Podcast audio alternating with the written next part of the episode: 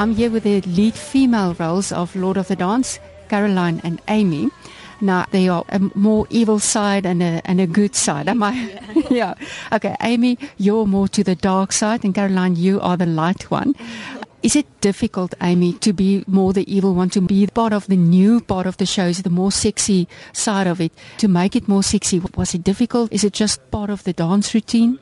Um, it's very different to the person that I am. So I kind of uh, enjoy how I get to act on stage, and it was quite part of the dance routine as well because it's a new show, so it was a new dance as well.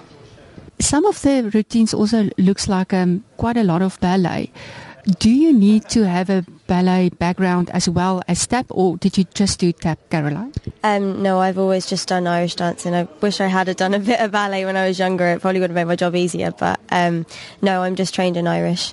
But there's a few people in the show that are trained ballet dancers, so they help us out a lot.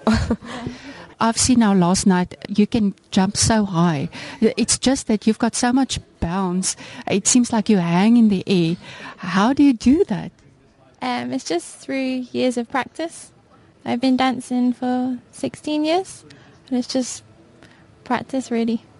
How long have you been part of, of the company, the Lord of the Dance? I've been with the show for two years now, um, and I've had an incredible time so far, so I can't wait to stay with them for a bit longer, hopefully. Where were you before that?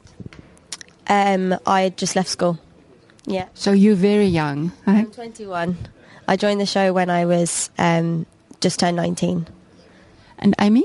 Um, I've been with the company for five years now. Um, I joined at age 19. What is the Irish dance, the form and all the techniques?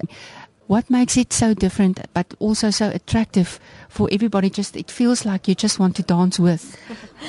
Um, I think the music has a big part to play in that because obviously the music's so lively and everything, so it makes the audience tap their feet and then they want to get up and dance with us.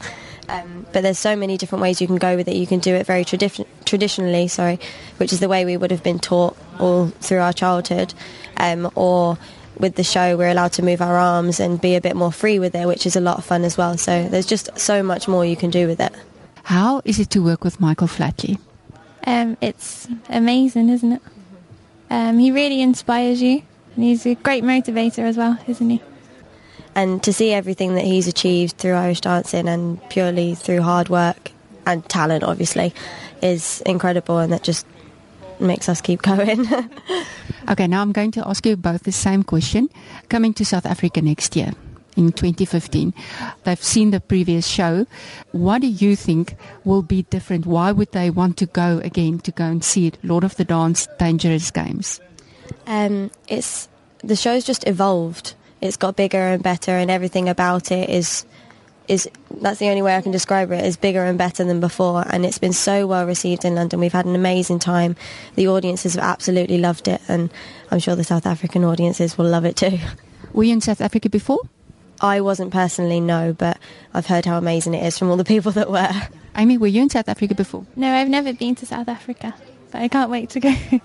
And what would you say what for the South African audience regarding the show um, that everybody should come and see the new show. Thank you, Amy. That's what I want to hear.